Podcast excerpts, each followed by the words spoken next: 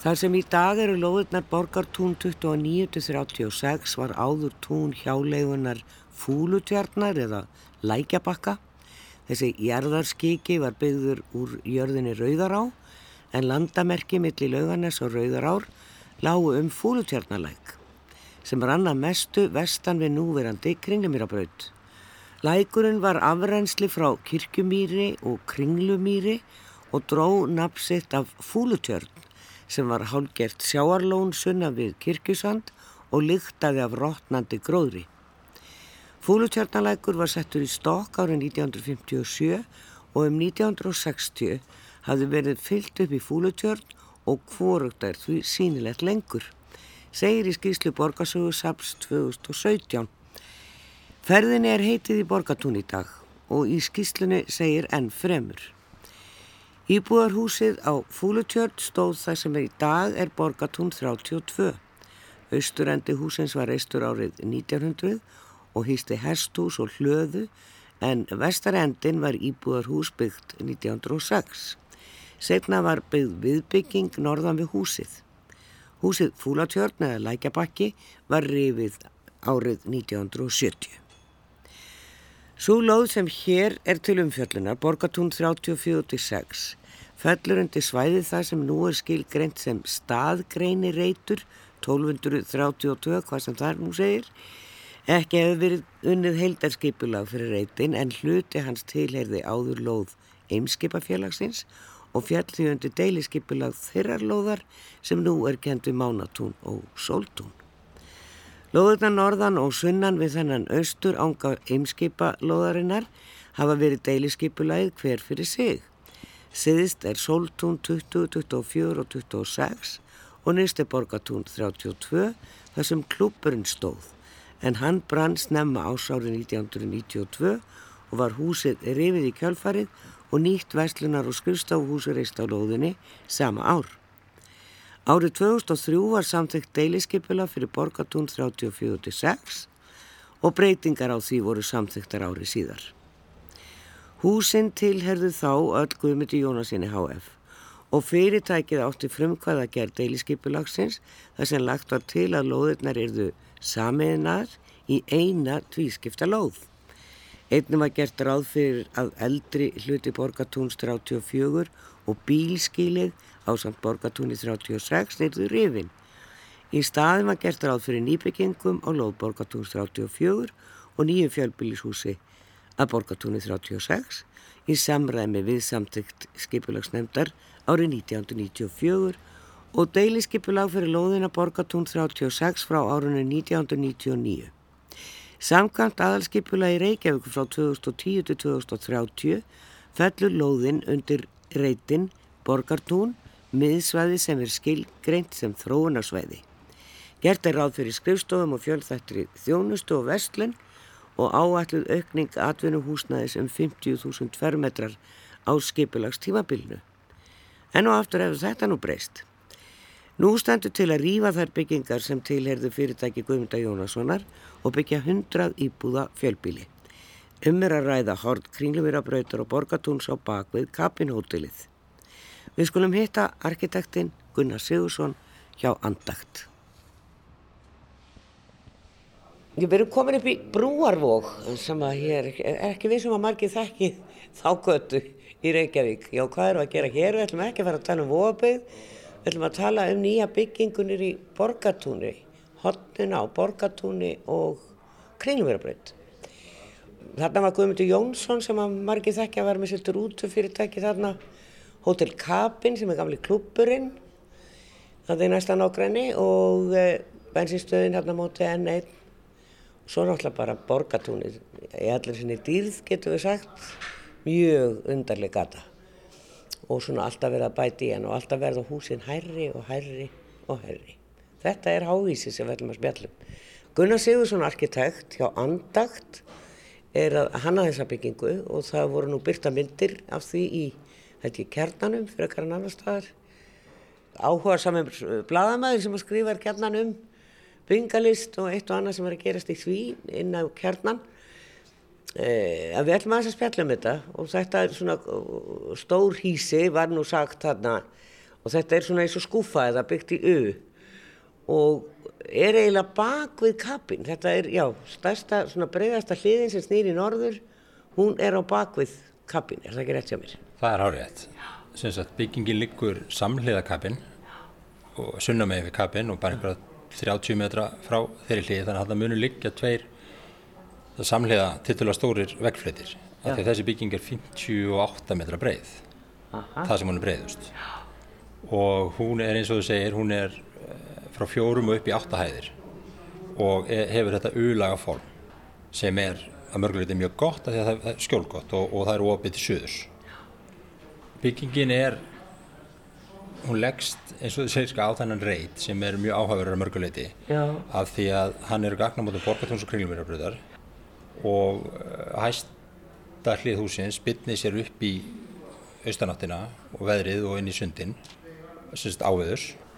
Og upplegið er að sá hluti byggingarinnar er sá tæknilegi, sá harði, sá formlegi mm. sem snýr að borgatúrunu, snýr að þessari umferð, snýr að þessum háfaða já, veðrinu og, og, og, og því öllu saman þessu, þessu, harðari hluti umhverfisins. En ef við förum skáhaldi yfir bygginguna þá erum við komin inn í hverfið. Já, þar já. sem er gróið og þar eru tríi og þar er byggingin bara fjórahæðir. Já, það, já þá, er, þá lækkar hún þarna til söðurs en e, það er náttúrulega bara blokkir þarna sem að reysu fyrir nokkuð mörgum árum, Sóltún held ég að heiti.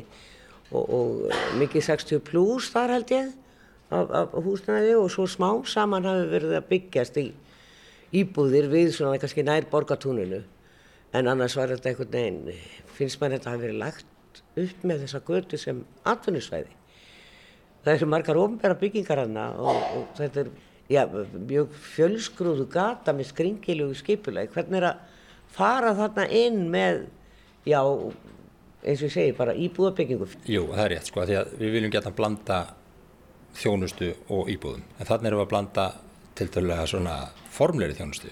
Bankaþjónustu, þjóðskrá tölvufyrirtækjum sveitafjölugunum og slíku við íbúðabyggð. Og það hinum með arvansvöllin hvað, 200 metri burtu eru mjög lítil og skemmtileg hús frá hvað 40 upp í 65 eitthvað svona og bara tala mjög vel við þann tíðananda þá uppbygging sem átt sér stað á þeim tíma. Svo kemur ánægsvöldurinn og neðst er þessi röð af svona hálgerðum eh, svona hraðbröta arkitektur sem snýra sæbröðinni og svo er þetta að blandast inn í þessa minni byggð þarna hennum meginn og þetta er svolítið hörð, þetta er svolítið sko skörp mæting þetta er svona spint svolítið fast saman.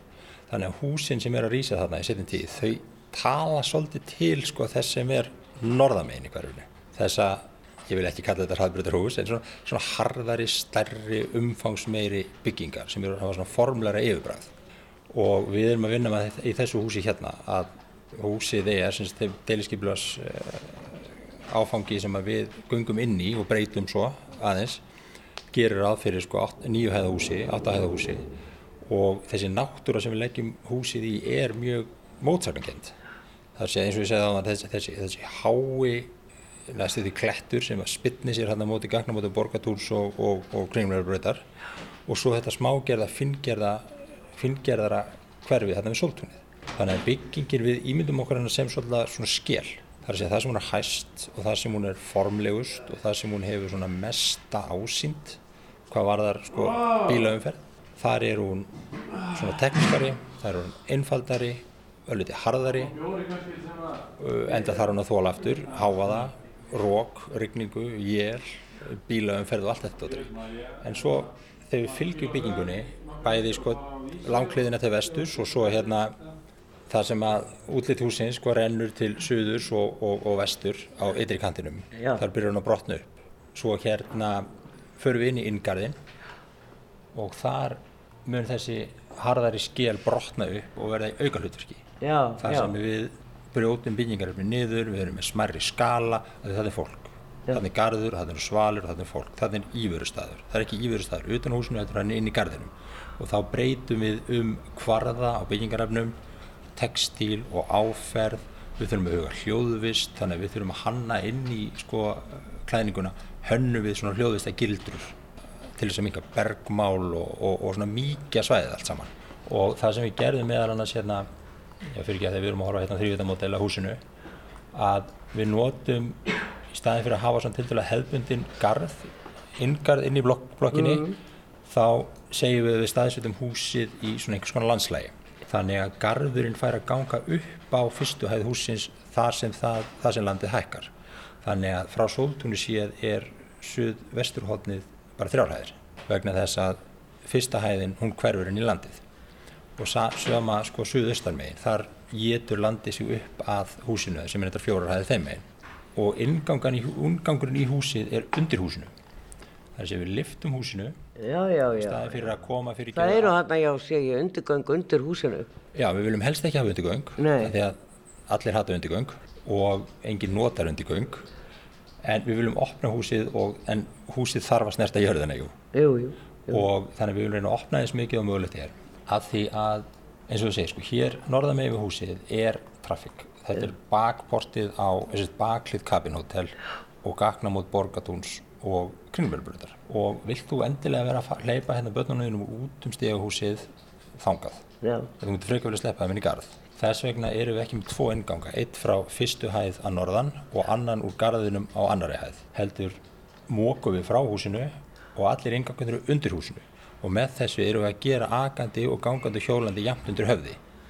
Það er ekki sikkvar ingangurinn. Það er sami ingangurinn undir húsinu og þannig eru við líka svolítið að spilna eða stýra fólki saman. Er þetta að segja mér að það sé einn ingangur í hundrað íbúða hús það eru fjóru ringangar en það er sko það er samir ringangur fyrir hvert stegagang það er ekki einn að utanverðu þar sem bílastæðin eru og annar úr garðinu þar sem krakkarnir eru koma úr skólunum eða fólk eru hjóla heim heldur eru, sko við hlýðinu yngangunum eru hjóla og vagnageimslur aðgengilegar og opnar ekki öllum en, en opnar ásýndar sko Já. og léttar.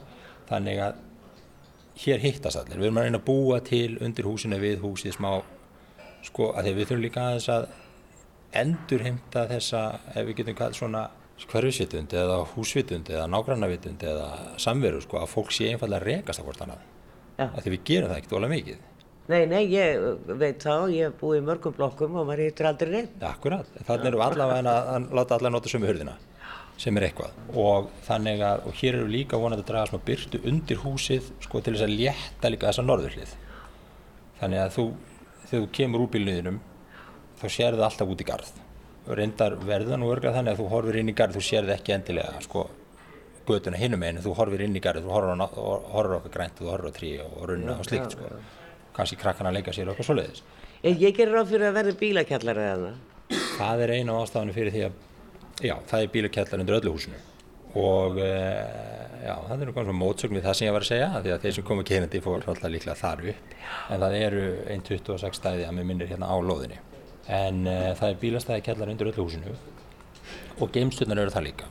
Og það eru verið líklega tengdar hverju bílastæði þannig að fyrir fram að hvert bílastæði er geimslan þú ert ekki að leggja og fara svo eitthvað annað en eitthvað gangin í einhverju geimslu það, það er mjög þægilegt en, en það þýðir að það er alltaf í gardin er ekki að setja nema bara lágvaksum gróður Akkur? setur ekki stórt trí ef hann á bílakjallara? Jú, jú. Nú? Það er hækkunnið upp á tefnilega tvo metra á jærðhæðu og annari. Já. Og já, ég, þú veist, jarðið, já. já, ég meina við þurfum að byggja upp þarna einhvern einn og hálfa metr eða metr af jarði. Það sjálfsögur verður sko mun plata bílakjallarnas halla en þetta verður samt þannig að það verður hægt að koma til til að stundum trjám fyrir sko. Kanski þurfum við að skoða hvað, hvað, hvað hvernig rótar kefri trjánu eru þegar sum fara út og önnu fara niður sko. já, já, já. þannig að hérna, það er eitthvað sem er að gera en meni, við höfum fyrir allar önnum að gera hérna eins og garðið hóla skilur, til þess að brjóta vind og háfaða það kemur náttúrulega lekvarðin háfaða náttúrulega frá kringlurbröð þannig að þetta er náttúra í eðlisinu það er einhver náttúra á þessu stað. Hún er manngerð, það eru einhver háfaði og það er einhver sem á vingun stundum og það er byrta og það eru ástíður og allt þetta og það er líka náttúr á borgatúsins hvenar er fólk og hvenar að koma og fara? Þú veist, hvenar er umfyrð, hvenar ekki? Því á þessum stað er líka mjög mikil munur á hámasumfyrð og lámasumfyrð klukku tíu og sunnudegi er meira að gera í breyðaltinu en þarna Já, það er náttúrulega, sko, aftjast vegna þess að það margtaði sem byggingum eru á atvinnuhúsnaði þannig að, já, og þannig að helgarnar eru svolítið lausar við mikla umferð. Ja, akkurat, já, en eins og ég segi, sko, Og eftir klukkan 5 á daginn líklega. Já, einmitt. 5-6, já. 5-6, já.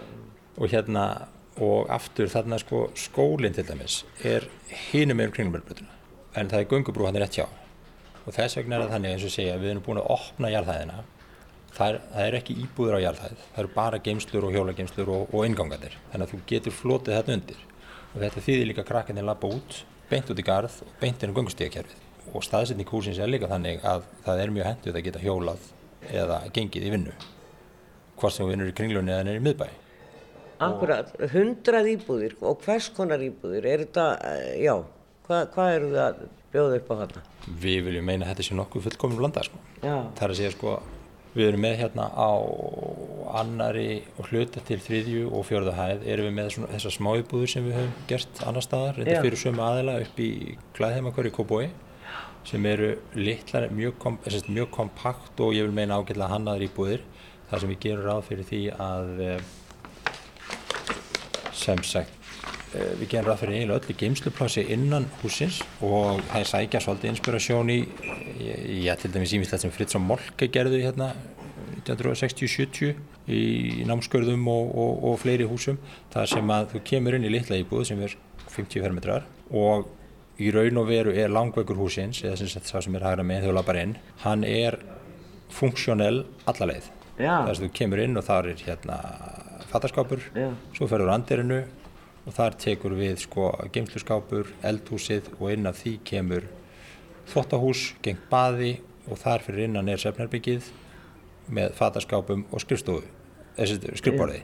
Þannig að þú, ert, þú ert, getur alltaf sótt í veggin á mótið þér til þess að sækja það sem þú þarft. Þannig að þetta er svona mjög kompakt löst sem við gerðum unnum hérna fyrir reyndar annan hugmyndafræði sem við unnum fyrir erum 8 ára síðan þegar við verðum sem innlegg í, í, í endurskoðan og byggingarreilgerinni. Það sem við síndum fram á geimsluhús, geimsluplássið rúmast í skápum innan íbúðar. Þú þarft ekki endilega 4-6 fermetra geimslu fyrir 50 fermetra íbúð eða 45 fermetra íbúð. Nei, nei. Heldur þú hefur allt sem að manneskja sem að námsmenn eða yngra fólk eða sem er hefja búskap eða einstæðingar koma í raun og veru flestu sínu fyrir innan íbúðarinnar.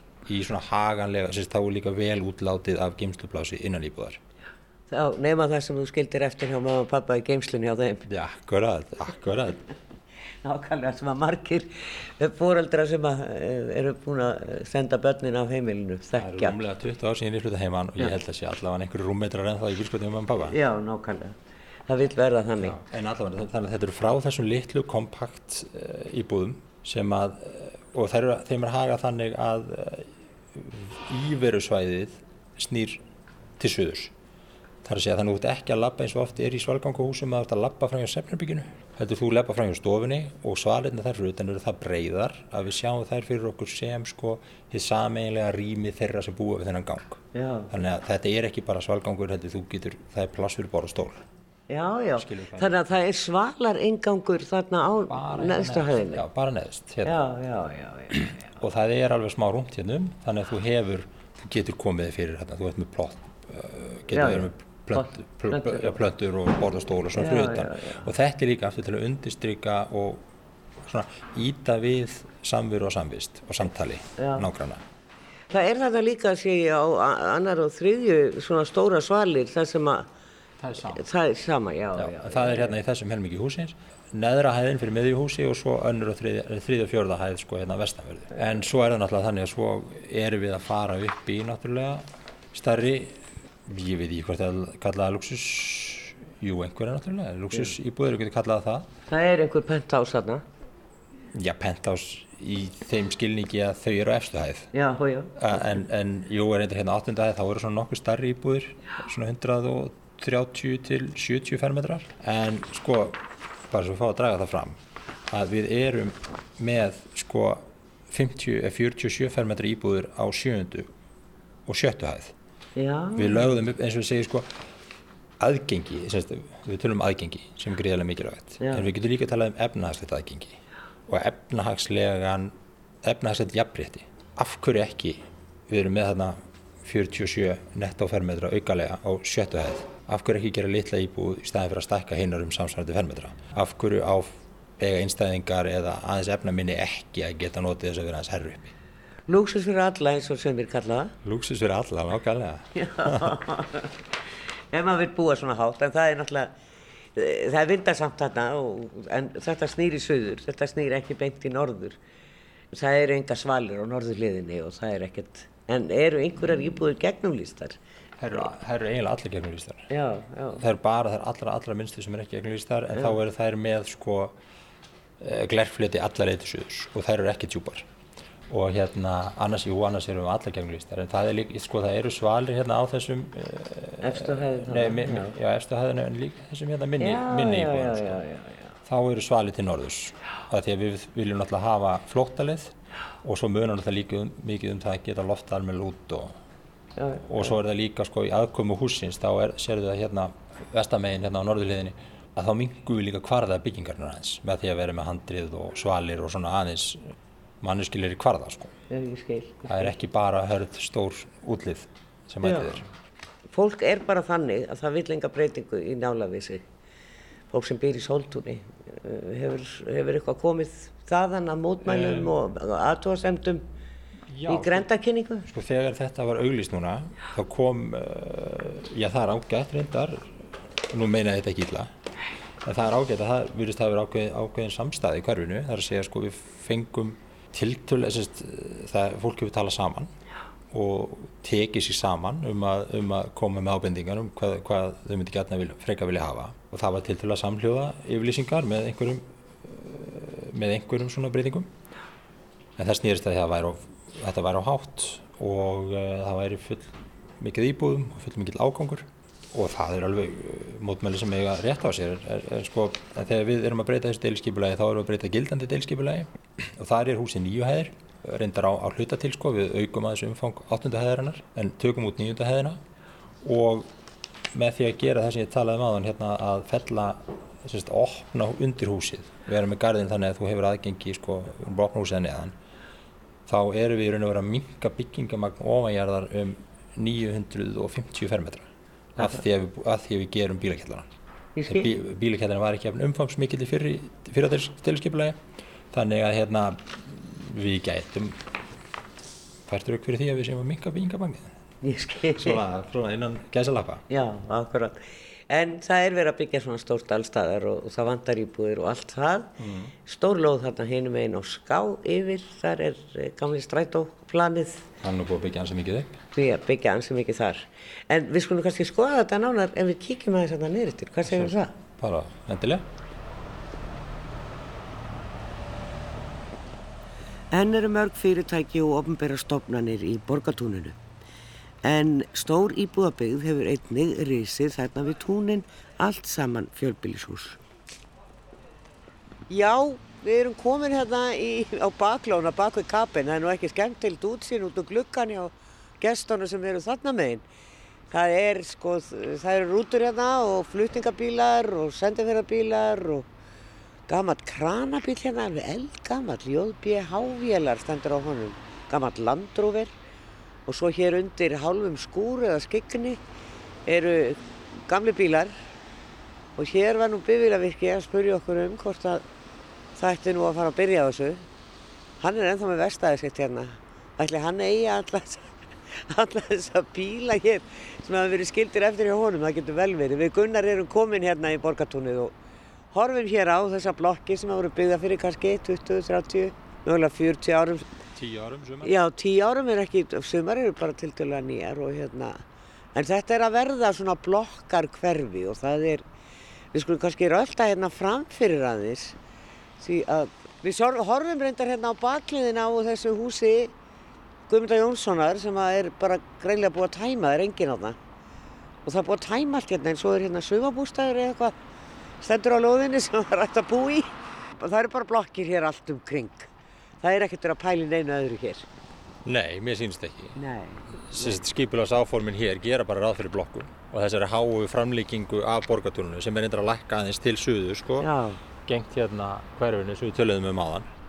Já, litlu tún, túnahúsanum sem að hverfa hérna á bakvið bæði höfðatorkið og, og svo hérna í, sem að eru náttúrulega stærstu hæstu húsin sem að Pálmar Kristmundsson er hannuður að þetta er náttúrulega sjálfsagt að rýfa þetta allt saman hér þetta, er, þetta eru bara hjallar ég meina Þetta er, af hverju er ekki búið að rýfa þetta skýlir til dæmis fyrir löngu að laga lóðin, þetta er bara drast.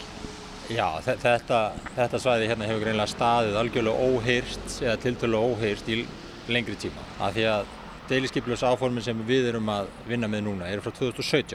Þannig að það hefur leigið fyrir greinlega í tíu, tíu ár örglega Já. að þetta sé að fara. Þannig að þessu hefur ekki bylnins verið haldið við og Reykjavíkuborg er kannski fremur treg og það er ekki nefnilega verra að heimila niður yfir hlutum ef það er ekki komin áform í staði. Því að þau vilja ekki vera með eh, opið sár eða svona afgýrstan lokaðan byggingavettfang þar sem ekkert er að gerast. Já, þetta er náttúrulega bara öskuhaugar hérna. Þetta er, sko, í húsi Guðmunda Jónssona voru kannski einhverja skrifstofur og annað að fólk að nýta það rými og á neðstu hæðinni bifílaverstaði eins og líklega þessi maður á þarna og er enn að vinna.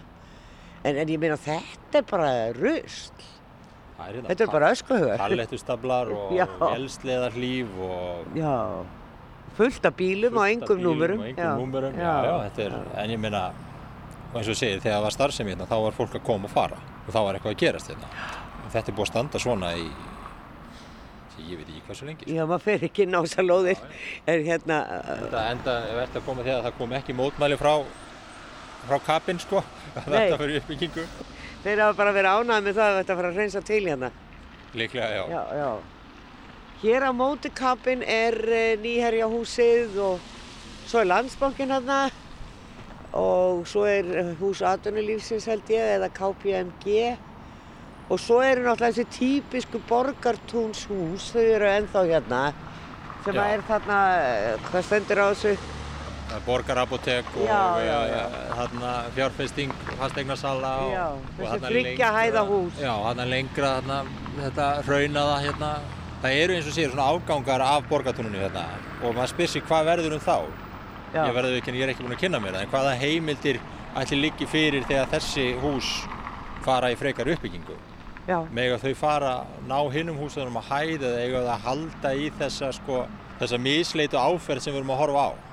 Að er, það er náttúrulega mjög reikvíst og íslenskt að vera með svona alls konar. Já, við spyrjum borgina því að það er kannski bara best að leggja áherslu á, á þetta uh, undarlega skipulag hér sem er þegar komið því að það er svo merkilegt ef við förum hérna aðeins hinum einn og horfum á þessa lóð og yfir uh, til norðurs hérna að þá, já þá er þetta sko neðst í borgatúni niður við Snorrabraut.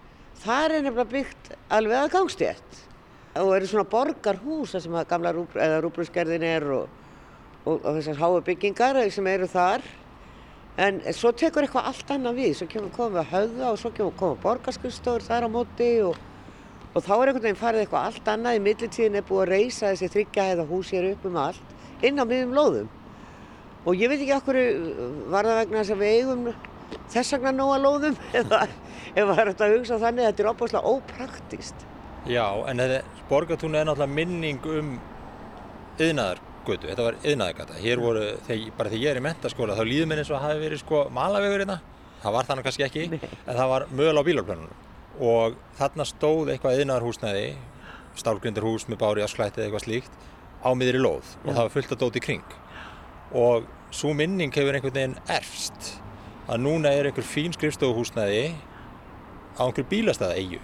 Það er ekki samnýting bílastæða á milli húsa, það er ekki, það er ekkit hugsað á milli lóða, heldur hver lóð gerir sitt og það er fremri lóð og aftari lóð, það eru tvö hús og það liggur við að þau séu á sikkur bílastæðinu. Því ég held að það sé meiri sé að sko, það er ekkit alltaf hægt að keira á milli sko aftari, semst, raðarina sem er við sæbröð, ég held að það sé ekkit alltaf hægt að keira á milli bílastæðinu við húsin sem eru þar. Það er enda rétt, þetta er, er, þetta er flókimán en, en þetta er náttúrulega, við sjáum hérna, þetta er svona stöllu bygging hérna ég held að það viktu að vera eitthvað bílaskoðin hérna en það er kannski, þetta er allavega bifröðvestæði núna Ég veit ekki hvort þið Guðmundi Jónusson hafi verið hérna, en þetta hús sem er hér er mjög skemmtilegt. Þetta er bara gamalt yðnaðarhúsnæði með hallandi þakki og gluggum í norður, eða norðvestur og öruglega mjög skemmtilegt inn í því. Já, mjög praktíst já, og bjart öruglega. En Það eru nokkuð svona hús í bænum hjá háskólanum og, og hérna til dæmis á, við teknikarði eða þar það er svona, svona Já. svipuð bygging og ég held sveimi það var önnur hérna neðar í borgatúrnum sem að er við núna verið að byggja eitt hotnið þar En, en það er ekki talið praktist að halda þessu og byggja í kringum þetta til þess að gera þetta svona æfintýralegra og... Það væri, það væri mjög skemmtilegt verkefni að nýta við þetta.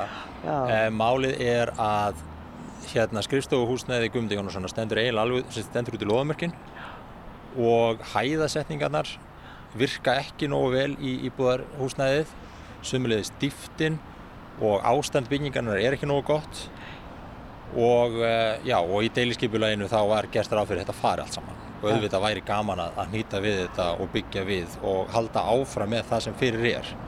Það er ekki alveg staðan í dag, eða það er ekki það sem er í bóði og að sama skapi þá getum við ekki gert bílastæðahúsið undir þessu öllu saman. Nei, nákvæmlega. það nú kannski ekki afsökun fyrir því að hús þurfa að víkja, þá er bara því miður ekki nógu mikið að grípa í til að geta haldið áfram.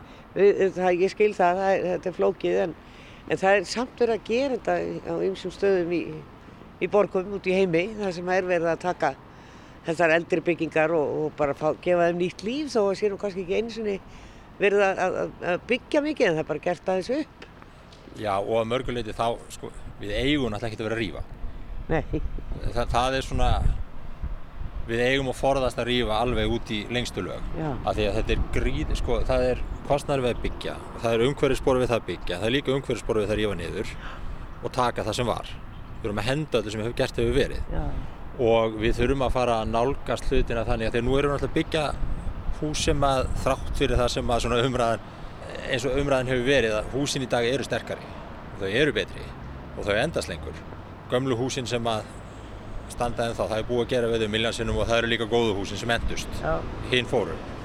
Vonandi erum við að gera byggingar sem hægt er að umbreyta og halda áfram að vinna því að við eigum að hanna hús þannig að við getum breytt þeim. Við ættum að geta tekið þessu hús skrallaðu í sundur og þeim í eitthvað annað. Já, það sem að þú ert nú mér þína teknistofi, það er svona hús sem maður getur bara tekið niður og flust. Akkurat, Já. bara stálgrundarhús Já, já, já, já, en það er, sko, svo, svo erum við að horfa hér á, sko, sem að kemur hérna, það hefur náttúrulega búið að breyta ymsu hérna, til dæmis kirkjusandur er þetta kallað, sem að strætó var í gamla daga og þar er búið að byggja ansi háa, háa blokkir og svo er bjarg þarna með eh, lægri byggingar, þryggja hæða litla blokkir sem að eru einhvern veginn í skugga þessara háu sem að eru út við sæbröndina.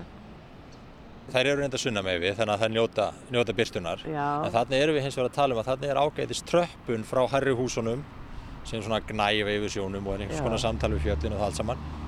Að þannig eru þryggja hefða hús sem er að trappa sér niður í smá fínni byggð.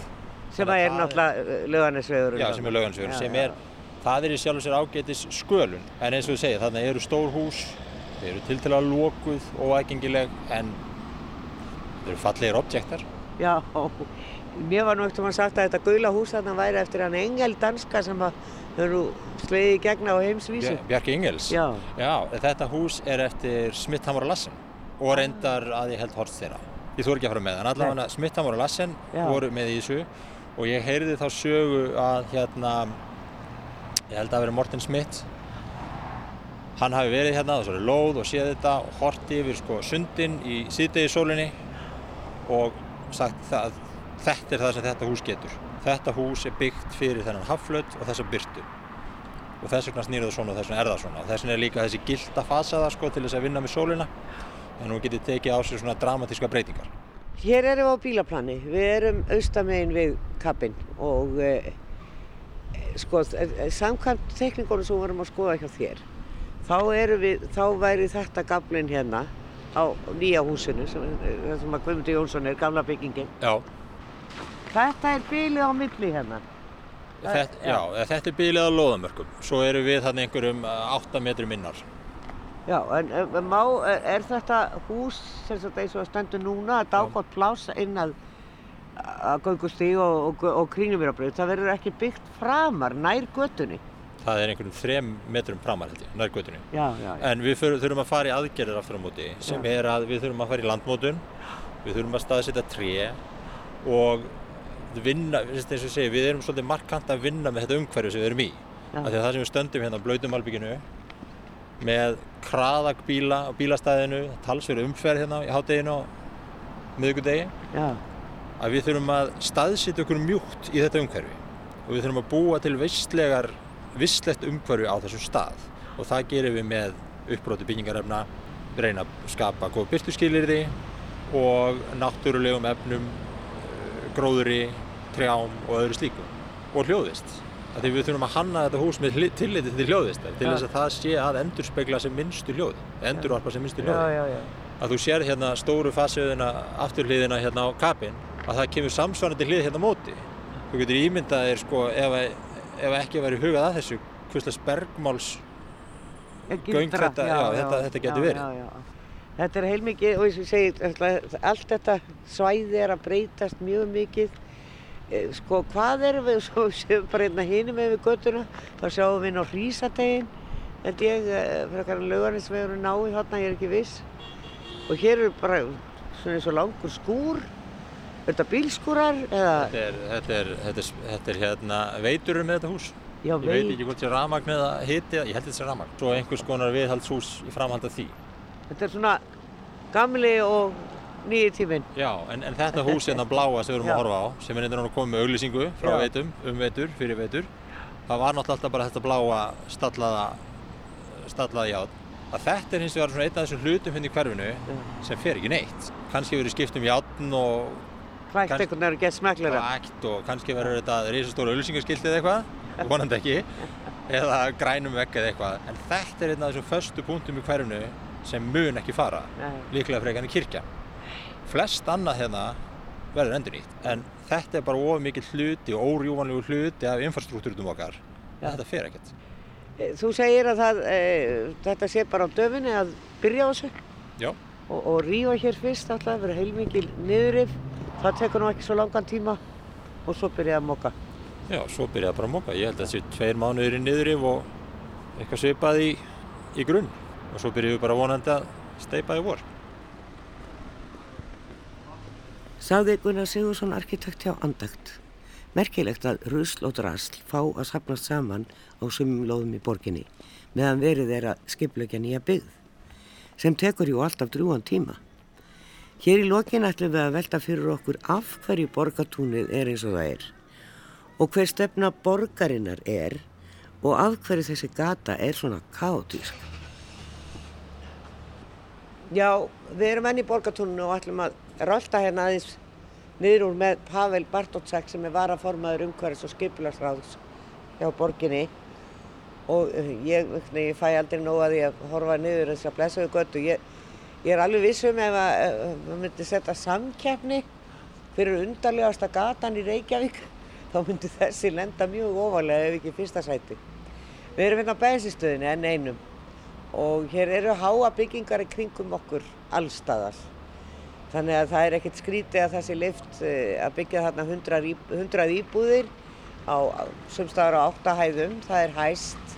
Það eru miklu hærri hús hérna eh, eh, inn á milli. Eh, Við ætlum að tölta hérna niður úr og, og, og spjalla eins um sko, eh, einhver tíma, veistu Pavel, hvort að það hafi einhver tíma verið til svona stefna, hugmynd um hvernig ætti að þróa þessa götu? Sko náttúrulega við fórum í smá vinnu fyrir nokkrum árum með að borginu öllu heldur skvarandi götur ímið. Það voru náttúrulega settir hjólastígar og vinna beggja vegna og hérna, nýmóðins e, ljós, e, ljósastöðrar. Þannig að e, sápartur hefur svona aðeins, e, hérna, það hefur aðeins verið pælt í því.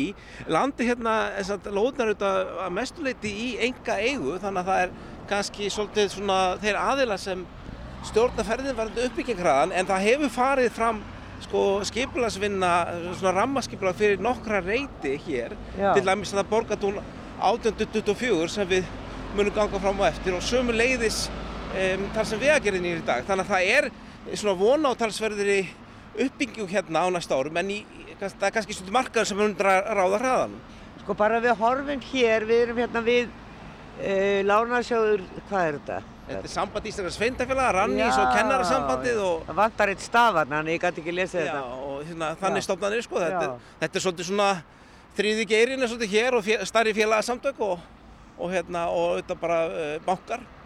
Það er eitt banki eftir hérna í Borgatúni Já, og hérna. er, já, það er vissulega bara einn eftir sko, Já. það er hérna, já, það er reyndar landsbankin ennú með útubúi hér Já, já. og svo er hérna Arjónbanki með sínar Já, höfustöðar. auðvitað, Arjónbankin. Að- Það er ekki eini Arjónbankin í bænum, ég held það. Já, það til. það er ekki mörg, mörg útibú eftir á Frössundsbankum, það er rétt. Nei, nei, nei.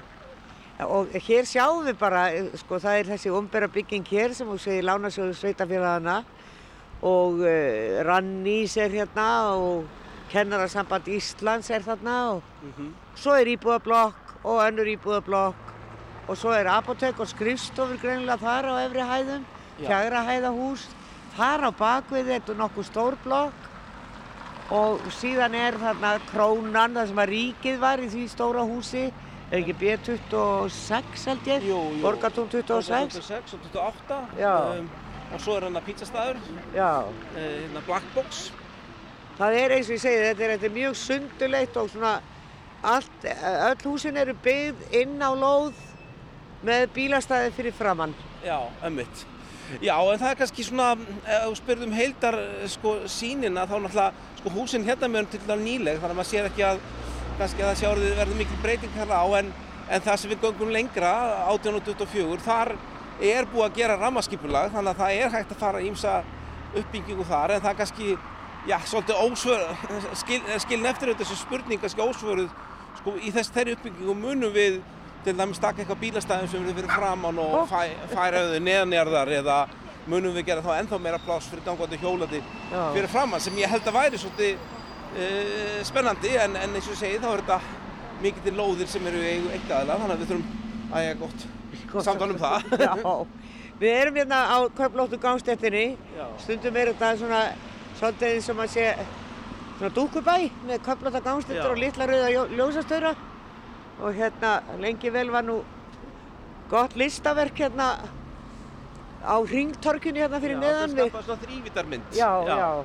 Bara Sem var líka svona eins og svona galdra hlutur einhvern veginn. Það var flatt en leit út eins og kuppur svona frá öllum hliðum. Mhm. Það fauk og það hefur ekki komið aftur því miður. Já, ömmit. Já, en hérna, hér erum við með svo hérna stórar byggingar inn á loðum líka hérna norðamegin.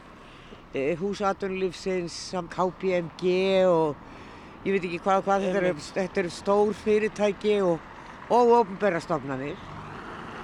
Já, það er rétt og Já. þetta er náttúrulega er mikið svona atvinni og skrifstöðuhúsnæði og við svona, sko við myndum allavega ekki vilja sjá það uh, víkja alfarið. Ég meina það er, þetta er, uh, hérna, hér vinnur mikið fólki og það er svona ákveðið, já svona skrifstöðu andblær yfir svæðinu sem við viljum ekki láta hverfa þannig að ma- maður myndi ekki vilja sjá þetta fa- allt saman fara undir íbúðir. Nei. Um, en, hérna, en, en, húsin alltaf bakvið hérna í borgarninu alltaf sunnarmegin er auðvitað hérna, mikið til íbúðhúsnæði, ný, þessi nýju. En sjáðu Pavel, öll þessi bílastæði hérna. Já, Halló. þú þarf nú ekki að predika það fyrir mér að það væri, hérna, uh, það væri ímslegt að gera með því að hérna, sko minka þau aðeins en, en hérna, það er kannski svona aðeins, engi að segja svona kannski svo til lengri tíma sín að, því að hérna, að því að það eru svona á meðan við sjá, sjáum fyrir þessi fyrirtæki hér þá, þá allavega hérna, uh, er svona líklegt að fólk myndi vilja allavega margir koma hérna á bíl í vinnuna. En, en sko, það, það er nefnilega í byrjun þegar þessi gata er að byggjast, rúbröðskerðin og þær byggingar sem eru það niður frá, niður við Snorrabraut, þær eru allar byggðar út við gangstétt og uh, bílastæði þá á bakvið, ger ég ráð fyrir. Sjást ekki og, uh, en hérna síðan er haldið áfram. Ég var svona oftur að undra mig á því af hverju uh, var svo byrjað að byggja svona inn á lóður og hafa þessi bílastæði framan við. Var aldrei stefnan að halda bara á, sko ég hugsa að þessi gata væri svona viðkvörulegri ef að húsin væru hér út við þessa skemmtilegu gangstétt. Já, ég, hérna, alveg sammála því, sko, það vantarlega getur maður bara séð svona ákveðna skiparlag sögu hér þróast, sko, það var hérna, uh, menn fóru einmitt að vinna svolítið með þetta, svona með tíma, hafa bílastæði fyrir framann aðalingang en ekki á bakvið, við erum svona sem betur fyrir svona mörg, hver horfið fyrir þar í stefnu en það sannarlega eimir af henni en þá hér. Jaha. En hérna, en svo er alltaf stóra spurning, sko, fyrst, þegar við förum í að, hérna, eins og er víða áhug fyrir að að breyta nótkun á sumum sem húsum sérstaklega þarna lengra rauninni uh, vestur. Já. Sko, eigum við að rífa þau öll upp og byggja ný, sko, eða eigum við ekki að halda eitthvað í, fyrst, göduminstir einhver leiti, að því að það er líka svona smá stemningi því að vera ekki alltaf að uh, rífa húsnæði sem er til staðar, heldur en að þá láta að ganga gegnum endur í nýjum lífdaga, sko, þannig að svona, ég sé ekkert endilega fyrir mér að, að hérna, að sem sagt húsin þarna lengra allavega borgandunum 1824 að þau fari meirinn á göduna þegar þau verði endurnýjuð. Heldur meira kannski að við skiljum þá eftir plássi á gödunni og höfum þá bara kannski meira breyðstræti sko og, og, hérna, og bílastæðin getur þá farið neðanjarðar en, en, en að húslínan haldi sér. Hér er náttúrulega gríðarlega umferð á, á miðjum degi, miðri viku og hérna hér er allt. Samt ser maður nú, nú orðið fólk gangandi Já. hér í borgartúnið þó það sé nú ekki margir. Hér koma allir á bílum og, og leggja fyrir framann þangað sem þar fyrir sem þau eiga erindi. Já, já. En, en við höfum nú þurft að víkja nokkur sinnum fyrir fólki sem var að koma að móta okkur emitt fótgangandi og ég held að hefði, hefði nú ekki endilega orðið rauninu fyrir sem áratug síðan. Nei, Og, og kannski annað sem má kannski sjá að ég hérna, held eins og við erum hérna með Blackbox og, og hérna krónuna, við erum með kannski miklu fleiri líka staði sem er þá opnar um helgar því að eh, þessi gata var náttúrulega algjörlega an- dauð sko uh, um helgar því að þetta var náttúrulega við vorum hérna veitingastæri fyrir fólki sem vann hérna en raunin á um, um kvöld og helgar þá dóna alveg ég held að það muni breytast Já. með tímanum Já. og ég held líka að þetta sé staður sem hendi kannski einhver leiti betur fyrir gististarfsemi og hótel heldur en e, svona hinn eiginlega miðbar að það er líka svona líklegra að það verði betur svona jákvæðarlega augum litið ef að einhver vil byggja upp meiri gististar sem hér frekar til dæmis í sko þingoltunum Já, já, það er náttúrulega búið að setja stopp á það að, að það verði hótel í gamla bænum, fleiri en er, Já. þegar eru komin. Hér er náttúrulega stórt hótel, fosshótel og svo er náttúrulega kabín sem við vorum að tala um, sem Já. að gamli klúburinn, en það er líklega, það eru einu, tvei hóteli hér. það, er einu, það eru einu, tvö hótelin, já það náttúrulega er, já, eins og nefnir höfðatorkið og, og, hérna, og kapinn, ég þekki ekki fle- fleira, en, en maður veit aldrei hvað gerist, sko, á fleiri stöðum eins og í 1824 og þeim þeirri reit, eða þegar við förum lengra, eh, sko, það sem vegagerðin er í dag og á því svæði, vegna þess að þar er rauninni eh, til skipulag sem er tildur nýlegt, sem væri bara hægt að fara að byggja eftir og ég veit að vegagerðin er þegar farin og ríkið mun vantarlega selja eign, þannig að það getur alveg eitthvað skemmtilegt komið þar. Ég átta mig ekki alveg á því hvar vegagerðin er, er það þarna í neðsta hlutanum? Já, það er í neðsta hlutanum, það er í raunin á móti höfðatorki nema aðeins neðar, aðeins ennþá nær raunin snorrabrautinni. Þar er, hérna, þar er vegagerðin, hún er núna flutt eh, hérna í Hafnarfjörð, hérna, það, það verður allavega klárlega eitthvað sem muni breytast þar. Svo er náttúrulega hérna Mánatún sem er íbúabyggð, stór blokk og þar á bakvið eru fleiri blokkir, eh, mjög háar. Eh, Þessi hér sem er hér sem nær út á enda, þar er hún hvað? 1, 2, 3, 4, 5, 6, 7, 8, 9 hæðir Já. og svo er þarna eitthvað penthouse uppi sem er þá tíunda hæðin líklega indregin. Emmitt, það er almennt hérna svona núna heimild fyrir því að byggja svona 6-7 hæðir e, á þessu svæði það, ef þess að þær efstur eru, eru indregnar þannig að svona nýju húsin eru kannski, já þau eru samt öll í þessari stærð er það öllíti Já. lægri sem eru fyrirhuguð hér og, og ég meina þetta er bara, finnst þessi andbæður, þessi stíl og minna, fólk getur haft, haft skoðan á því. En mér finnst þetta ákveðin svona mér finnst þetta já ég meina ágættis minnum þannig tíma sem við lifum á. Þetta þarf ekki að vera allstað svona en hér finnst mér þetta saman sér ágætlega. Það komið, eh, hvað, upp á þrjum fjórðu hæð í nýju húsi hér á hotninu á Borgatúni og hvað heitir, mæn ekki? þetta er Nóatúnið hér. Nóatún, þetta er Nóatúni, Þetta er Borgatún og Nótún. Já. Þetta hús hefur risið mjög hratt hér úr, hérna, úr jörðu. Hérna var náttúrulega, svo fólk hlustandi kannast við, hérna, Tjekkland hér á hodninu sko, og Já. nú er það svæðið farið og, Og svo var eitt af þessum þryggja hæða húsum þarna sem var rifið. já, já. Já. En nú er, nú er þetta skipulega tildur nýlegt en, en húsið er náttúrulega komið vel á veg og það er ánægilegt að það verði svona, svona, svona hodn Já. fyrir svæðið. Þeir byggja alveg upp að Smith og Lorland sem að fólk sækja nú það fyrirtæki. E, en e, svo eru þarna þrjár byggingar þessum þryggja hæða Já. og það er engar, það er, er, það er engar íbúðir í þeim húsum. Eh, Ekki dag, nei, Nei. En sko það eru heimildir í gildandi ramma, í rammaskipulagi þá erum við humdur að verði hægt að eins og segi, sko, halda húsunum allavega formið þeirra og, og hérna og það eru heimildir að byggja alltaf tvær hæðir ofan á þeim Já, ef þau bera það. ef þau byrja það, já, og Já. þá hérna gætu það orðið íbúðir eða, eða skrifstofuhúsnæði Já.